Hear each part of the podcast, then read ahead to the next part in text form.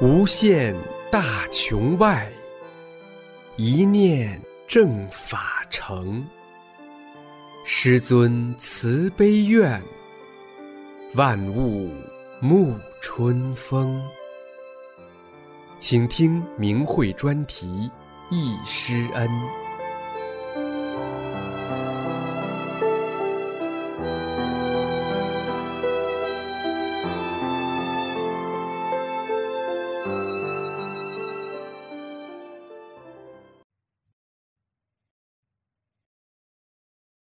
请听明慧易师恩专题文章，题目是《永恒的记忆》。有幸参加师傅最后一次传法传功班，作者中国大陆大法弟子。文章发表于明慧网，二零二零年十月十六日。一九九四年，我二十一岁。八月份，我在武汉市中南财经大学看到一些人围坐在一起。听师尊的讲法录音，我走过去也坐下来听师尊讲法。就这样，我得法修炼了。九月中旬，在练功点上听师尊的讲法录音时，得知师尊将在广州办传法班，我就把这信息牢牢地记在脑中，一直惦记着这件事。不知道为啥，我当时就觉得师尊以后会很少办班，甚至不办班了。所以生怕自己错过这次机缘。当知道我在想办法去参加师傅的传法班时，家里人都反对，特别是我父亲极力阻挡我，不让我去广州求法。我横下一条心，一定要去。在武汉当地报名参加传法班后，我拿到了师傅广州传法班的回执。出发时间一到，便背着方便面。和一位同修一起踏上了南下的火车。出乎预料，到达广州一出火车站，就有一伙抢劫犯冲上来，那架势很凶。可当那七八个人围上来，刚要动手时，我就看见一个巨大的法轮在旋转，他们都被法轮带动着，开始围着我转圈儿。转着转着，他们就跌跌撞撞摔到一边去了。还有一个家伙像个皮球一样在原地不停地转圈儿，他边转边惊恐地看着我。我明白了，是师尊在保护我呢。如果他们把我换票的回执单抢走，我就不能聆听师傅传法了。那时我也完全相信了，我一开始修炼，师尊就在保护着我了。来前就告诉自己，遇到的种种困难都要克服。要吃苦，我没有钱，连去广州的路费都是向一位同修借的，更无钱租旅馆。广州不冷，准备夜间就睡在马路上。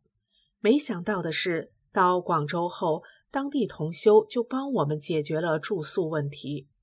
二十多年过去了，每当回忆起这一幕时，依然感到修大法自己很幸运，根本谈不上吃苦。只有佛恩浩荡下的激动和幸福。到广州的当晚七点钟左右，我凭回执单拿到了传法班的入场票。我激动地想：这不是做梦吧？我能进班了，我能听课了，我能看到师尊了，我能拿着票反反复复地看了好几遍，然后就紧紧地握着，生怕票跑了、飞了、不见了。然后把票藏在身上最安全的地方。我还不断地跟同修叨叨：如果有人找我要票，我给他吗？如果票被偷了怎么办呢？如果能亲自参加师傅的传法班，这对人的一生是多么珍贵！我曾错过几次进师傅传法班的机缘。一九九三年错过了中南财大的班，一九九四年错过了延吉的班。修炼后，真的感到阻挡我求法的背后因素，真是一环扣一环，环环相扣。这次真是豁出去了，一定不能再失去了。记得有位同修在练功点上切磋时说：“修炼要经过一些磨难、一些阻力，才能悟道。”联想到自己求法的方方面面的阻挡，心里一阵发酸。坐在地上，眼泪止不住的流了下来。写到这里，我又流泪不止。终于进班了，终于能见到师尊了。传法班工作人员安排我坐在离师尊最近的地上第一排，我仰望师尊，师尊伟岸挺拔，整个会场被一种慈悲、祥和、暖暖的能量笼罩着。我虽然穿的很少，但是一点也不感觉冷，在这个能量场中，心里只有祥和，不是一般的祥和与慈悲。是用什么词汇也表达不出的一种祥和与慈悲，在这个场中，只感觉到幸福，身体一身轻，我的心也被强大的慈悲祥和熔炼着，也变得祥和了，变得慈悲了。作为人来讲，面对死亡是恐惧，是害怕，懦弱，或是气愤、斗狠、拼命。我想。如果我再去面对死亡时，这些通通都没有了，有的只是祥和慈悲，是正念。现在回想起这一刻，我才明白，在师尊无以伦比的祥和慈悲的场中，在我这一层次中，已经初步悟到我能放下了生死。大法修炼一上来要求就很高，师尊在传法班上。更是把我们往上拔，往上带。我从一九九四年八月得法到十二月才四个月，就能放下了生死之念。在别的法门中，这是不可想象的。我一打坐就定住了，非常美妙，非常玄妙。师尊的法力，师尊的慈悲，我理解的，我感受到的，也是无法形容、无法描述的。真的是表达不出来。古人好磕长头，其实用尽一切礼佛的方式，也表达不出我们对师尊的感恩与敬仰。只记得那些天在班上，到处都是祥和，时时刻刻都是说不出来的一种愉悦。由于太高兴了，在秀月公园里，我把蛋糕连着包装纸一口气吃了下去了。当时有同修提醒了我，可我一点也没有感觉到吃了包装纸，我只知道笑笑啊笑啊，我们大家也都高兴的笑，我甚至高兴的流出了眼泪。看同修时，双眼也模糊了。有一位同修说，他的感觉真的像是在天上，无法形容，真的就像在天上。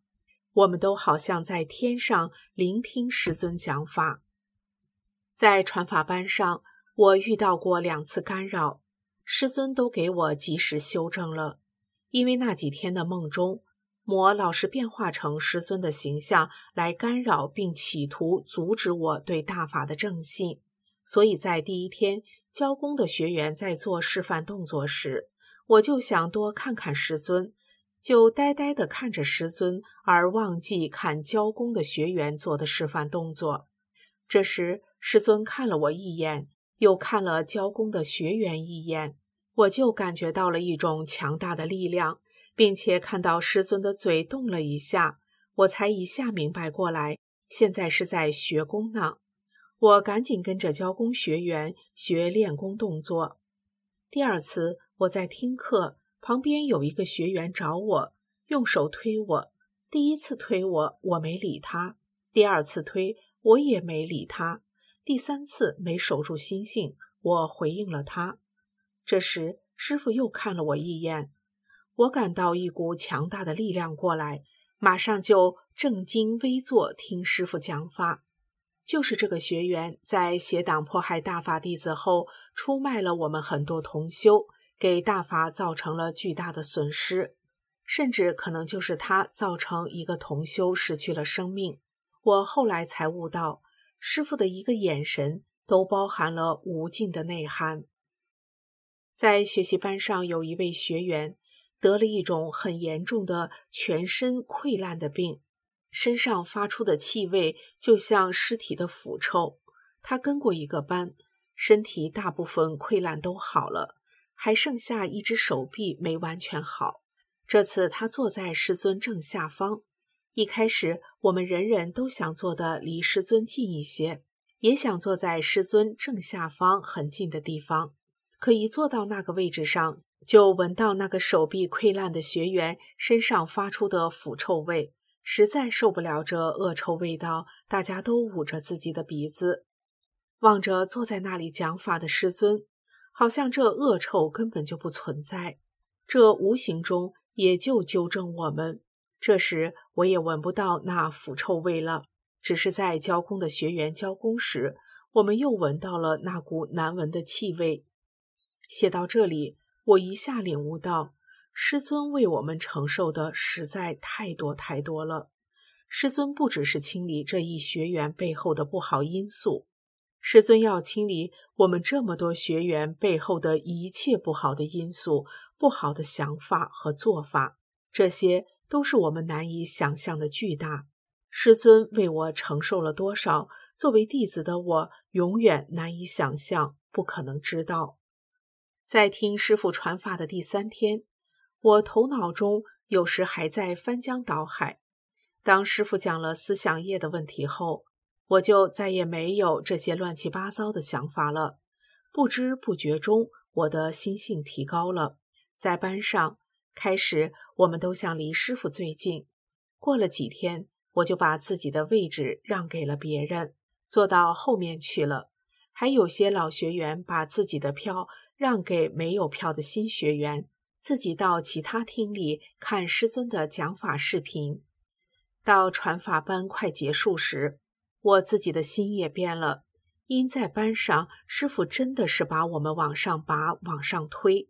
这在后来过关时给了我极大帮助，在正法修炼中，在我真正过劫难时，在遭受种种酷刑时，有师尊法身的看护与加持，有师尊赐给我和我修出的慈悲与正念，从而让我能将一切邪恶因素销毁，闯过一次次关难。师傅赐给我的金子般的祥和慈悲之心。也让我在面对恶境时，在遭受酷刑折磨中，能一声不吭，连警察也佩服我的忍耐力。事后还要和我交朋友。师尊时时刻刻都在看护着我们，保护着我们，加持着我们。我永远都是师傅的忠诚的弟子，叩拜师尊。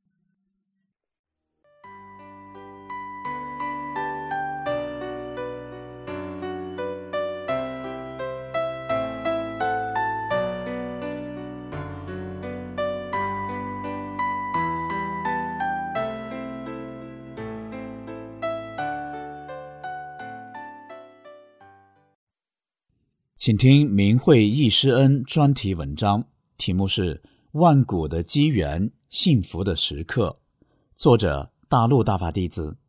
文章发表于明慧网，二零二零年七月二十七日。每每看到或听到同修写的和明慧网上广播的对师父传法传功时的珍贵回忆，无不让我感动的落泪。这些珍贵的回忆激励着我们每个弟子精进。也是给未来的人留下的珍贵的历史。今天，我把自己当年参加师尊的几个讲法班的美好回忆也写出来，证实大法，也记录下师傅当年怎样不辞辛苦，在中华大地，包括我们这个偏僻的角落，播撒下了大法的种子，把福音传给中国各个角落的众生。提起笔来，回忆整个过程。一种无比幸福与感恩就会涌上心头，泪水情不自禁地往下流。我出生在大西北黄土高原上一个偏僻贫穷的小山村，在我十岁那年，我家就搬到一个地势相对比较平坦、方便的平原地带。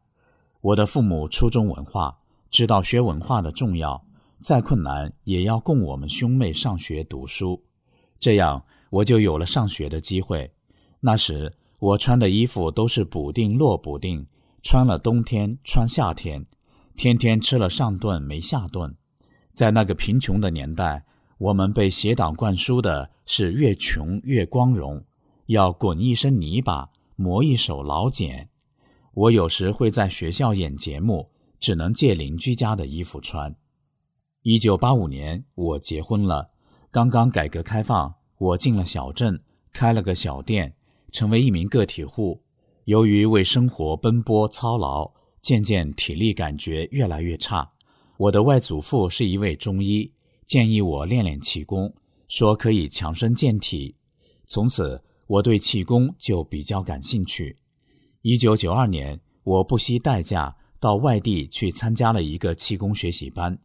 一期学习班就交了几百块钱学费，那时的几百块钱可值钱了，加上路费与食宿花费近千元，正是像师傅在转法轮中讲的，结果徒劳往返，劳民伤财，什么也没有得到，最终连那个气功师的面都没有见到，祛病健身也没见到什么效果。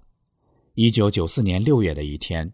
我准备再次去那个气功学习班进行所谓的深造，中途在北京转车时，给在北京的朋友打了一个电话，告诉他我路过北京的原因。他赶紧给我介绍法轮功，说法轮功师傅刚刚在北京办完十二期学习班，功法很好，北京班已经赶不上了。晚上他就把师傅在北京讲法的录音磁带给我送到旅店。正好我随身带了录音机，一晚上就听了几盘，觉得这位师傅讲的可太好了，马上决定留在北京。接着找到北京地坛公园方泽坛练功点，辅导员就热情地接待我们。当时我还带着一个人一起，辅导员免费教会了我们五套练功动作。我还请到了《中国法轮功》这本书，并且得到师傅要在郑州办班的消息。真是太幸运了，带着无比喜悦的心情，盼望着师尊开班的那一天的到来。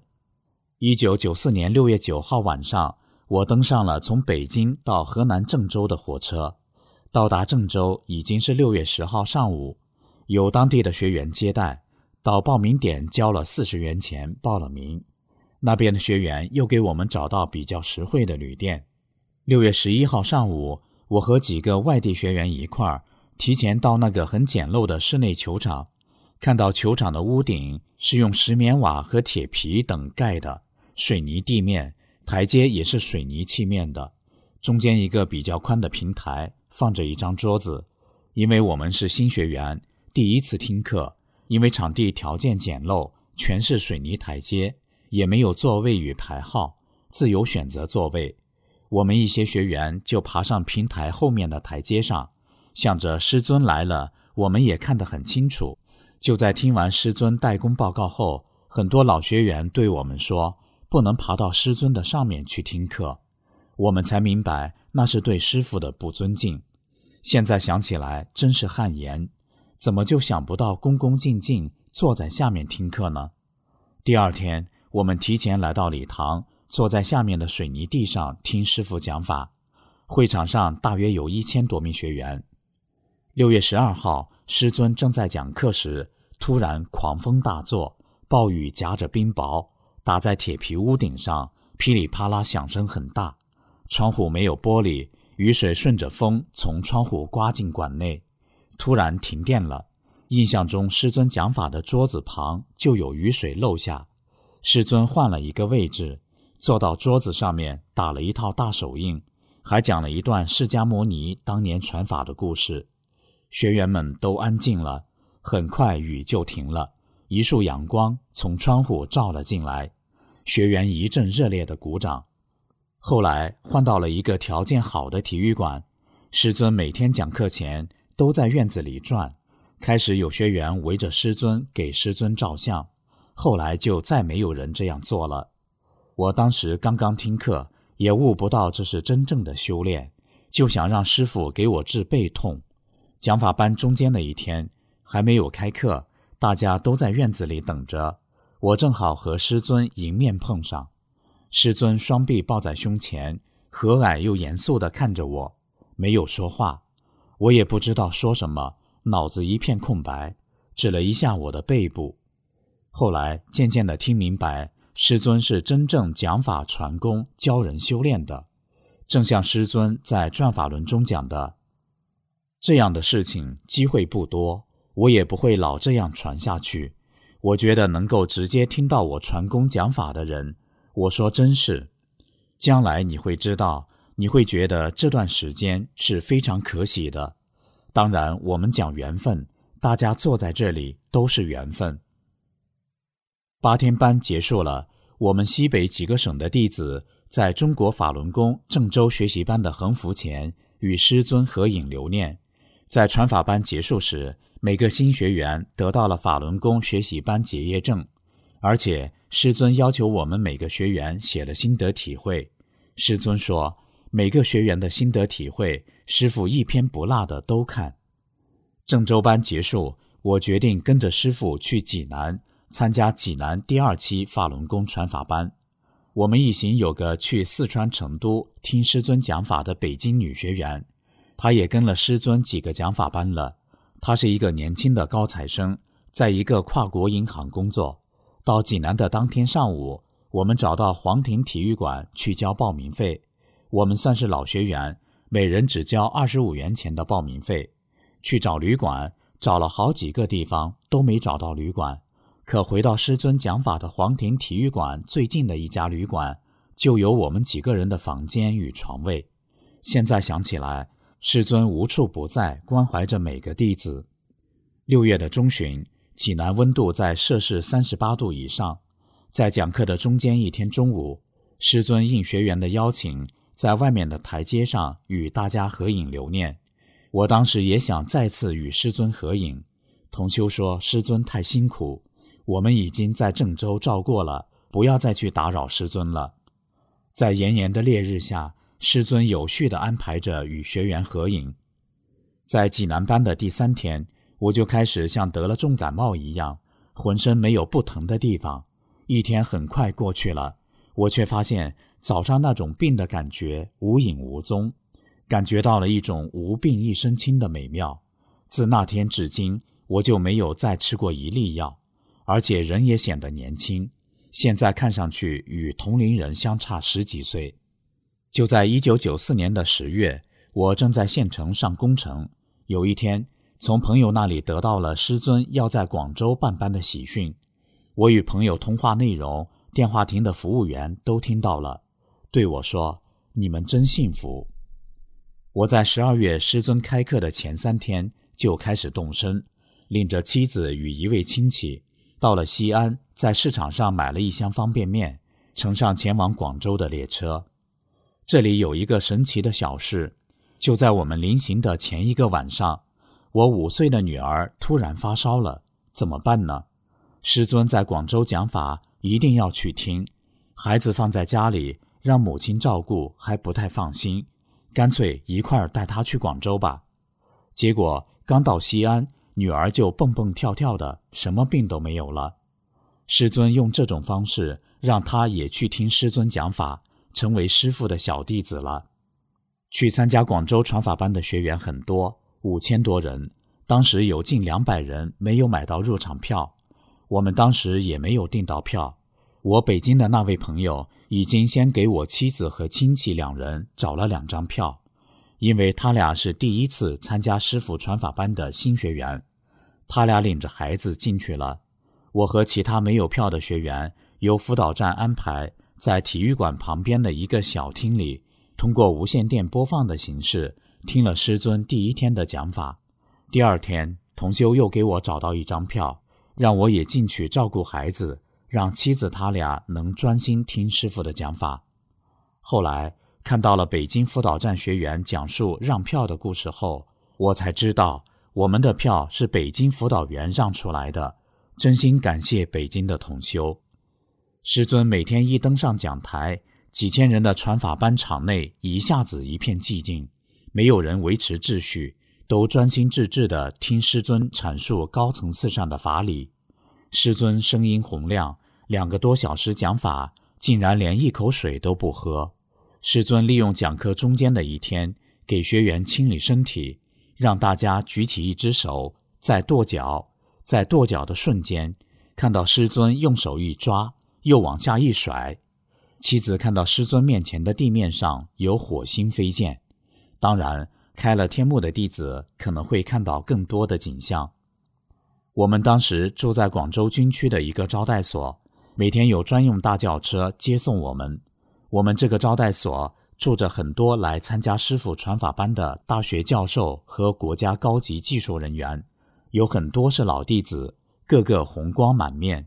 五十多岁的人看上去显得很年轻，说话和蔼可亲，没有任何高人一等的架子。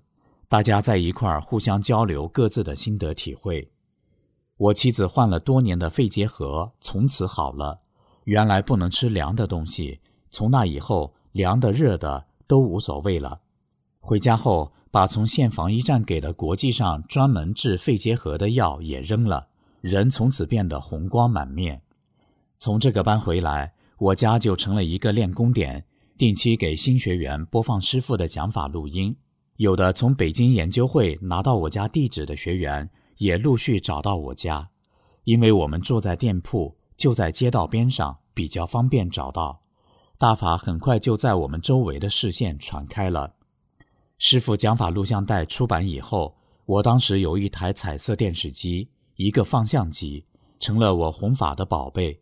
除了在我们当地举办九天学法班外，还经常带到乡下去。当时农村大多都是黑白电视机。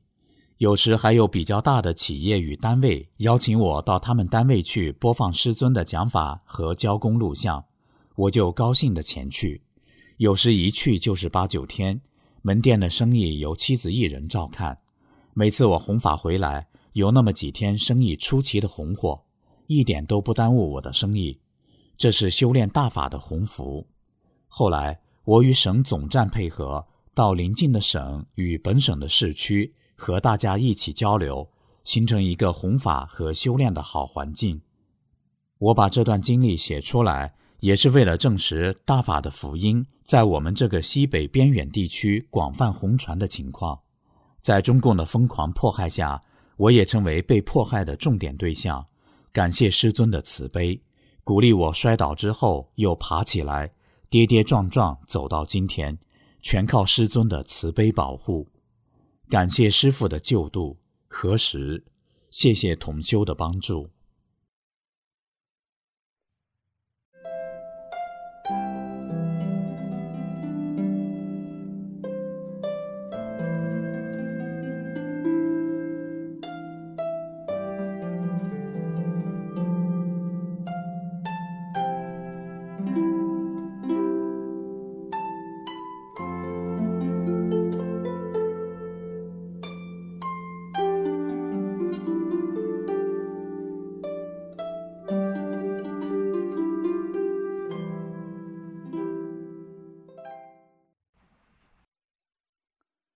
请听易师恩专题文章，题目是《易参加师傅在哈尔滨的讲法传功班》，作者黑龙江大法弟子。文章发表于明慧网，二零二零年十月十日。一九九四年七月，我到哈尔滨哈师大艺术学院面授书法课一个月。八月四号，我面授学习已接近尾声，我在校区看到很多人从外地赶来。我就上前搭讪道：“你们这么多人从哪里来的？有什么大型会议，还是参加什么活动吗？”他们说是来参加法轮功气功讲座的。我心里想，这么多人还是从外地来的，这气功一定很好，我一定要去听课。我又问在哪里上课，还能买到票吗？他们说票不一定有了，我们都是提前订票的。你可以去冰球馆问一问。第二天我起来很早，准备去冰球馆买票，可是又不知道路径，也不知道能否买到票。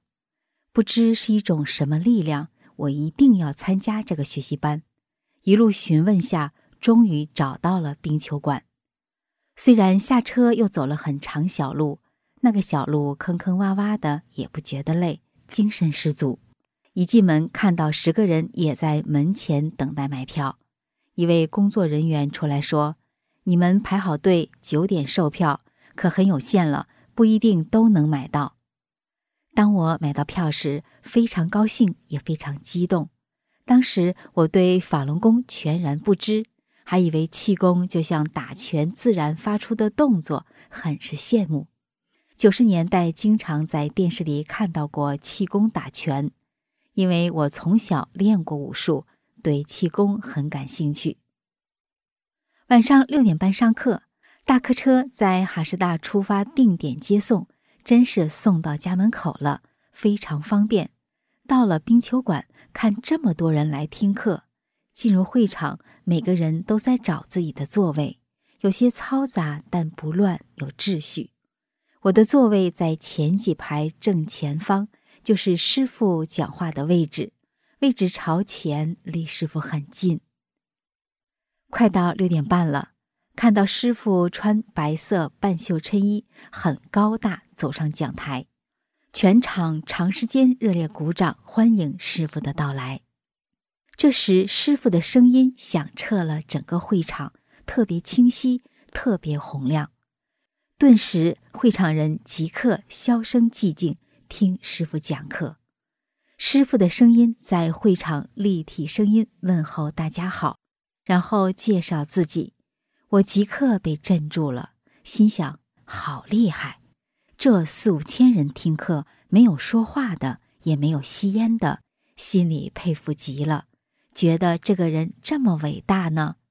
在全国甚至全世界还没见到过这样的高人，不用稿子讲课，像个演说家，又像总统就职演说，威力和威望极高，不是一般人所具备的。第二天早上醒来，还没睁开眼睛，我就被外面红彤彤的布满眼前，耀眼，睁不开眼睛，还以为别人都看得到呢。问了同宿舍的人，都说没看到。后来知道是天幕看到的。第三天净化身体，第四天晚上有事回家一趟，耽误了一课，很是遗憾。次日上午，我记得是周日上午加了一堂课。由于我来晚了，知道来回走动会影响大家，就没有回到座位。在一楼看到主席台有个位置，就悄悄地坐了下来听课。师傅讲课大约有半个小时，发现了我，看了我一眼，我的心砰砰一跳，心里想：师傅，我买票了，是来晚了，坐在这里，您可别撵我啊！我是缘分很大、悟性极低的一个人。会场上，师傅说拿扇子的不妨放一放，我手里拿着很大一把扇子，还在来回扇动。我那时年轻，还想在常人中奋斗一番，爱好很多，什么太极、武术、算卦、书法等等，目的是在常人中当个强者，执着名利，那种名利心、好胜心极强。可修炼就是要去掉这些心，修炼要专一修口。我顿时茫然了，心里想：我还年轻。一下子要放下这些，谈何容易？我身边有一位阿姨开了天幕，看到很多师傅打出来小法轮，像雪花布满整个会场，落在学员身上。我很好奇，增加了修炼的信心。师傅叫大家站起来，让每个学员都想一下自己的病或者是亲人的病。师傅洪亮亲切地说：“一、二、三。”先跺左脚下去，病就排出，净化了身体。这时身体非常轻，旁边的阿姨看到了很大一个大火球从地上下去，分别到每个人身上。到了教第四套法轮周天法时，师傅下来在会场走一圈，到我们这儿时看到我动作不标准，就叫身边教工人给我纠正。师傅心很细。不落下一个人，面面俱到，很是辛苦。在门外也受益，佛光普照，礼义圆明。婆婆腿疼，也跟我和女儿一起来。他们没买票，没进来。有几次课都是在外边等我上课结束，在门外等我。听完课，带着婆婆去医院看病。大夫说没有什么毛病，就这样回来了。婆婆觉得很奇怪，怎么到了哈尔滨腿就不疼了，就好了？后来知道是师傅给他净化了身体。结束那天，大家都很有秩序。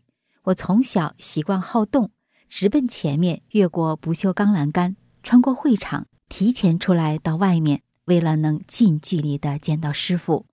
在门外，师傅经过的路上等师傅来。这时，师傅高大伟岸、慈祥庄严，立掌向我们走来。我前面的几个同修主动跟师傅握手，我没有伸手。因为我看到师傅庄严高大，我有什么资格跟师傅握手呢？师傅在我身边走过，我就很荣幸了。我后面的一位同修也伸出手，一握就不松开。师傅就要进车里面了，他的手还不松开。这时，师傅的黑色轿车被前面的几辆大客车挡了路了。我也很着急，就上前指挥大客车司机。让他们快点让开路。那一天开始，我的身心被净化了，层次提高了，身体特别轻，似有腾空的感觉。二十七年过去了，这一幕一直难以忘却，历历在目。今天与同修交流。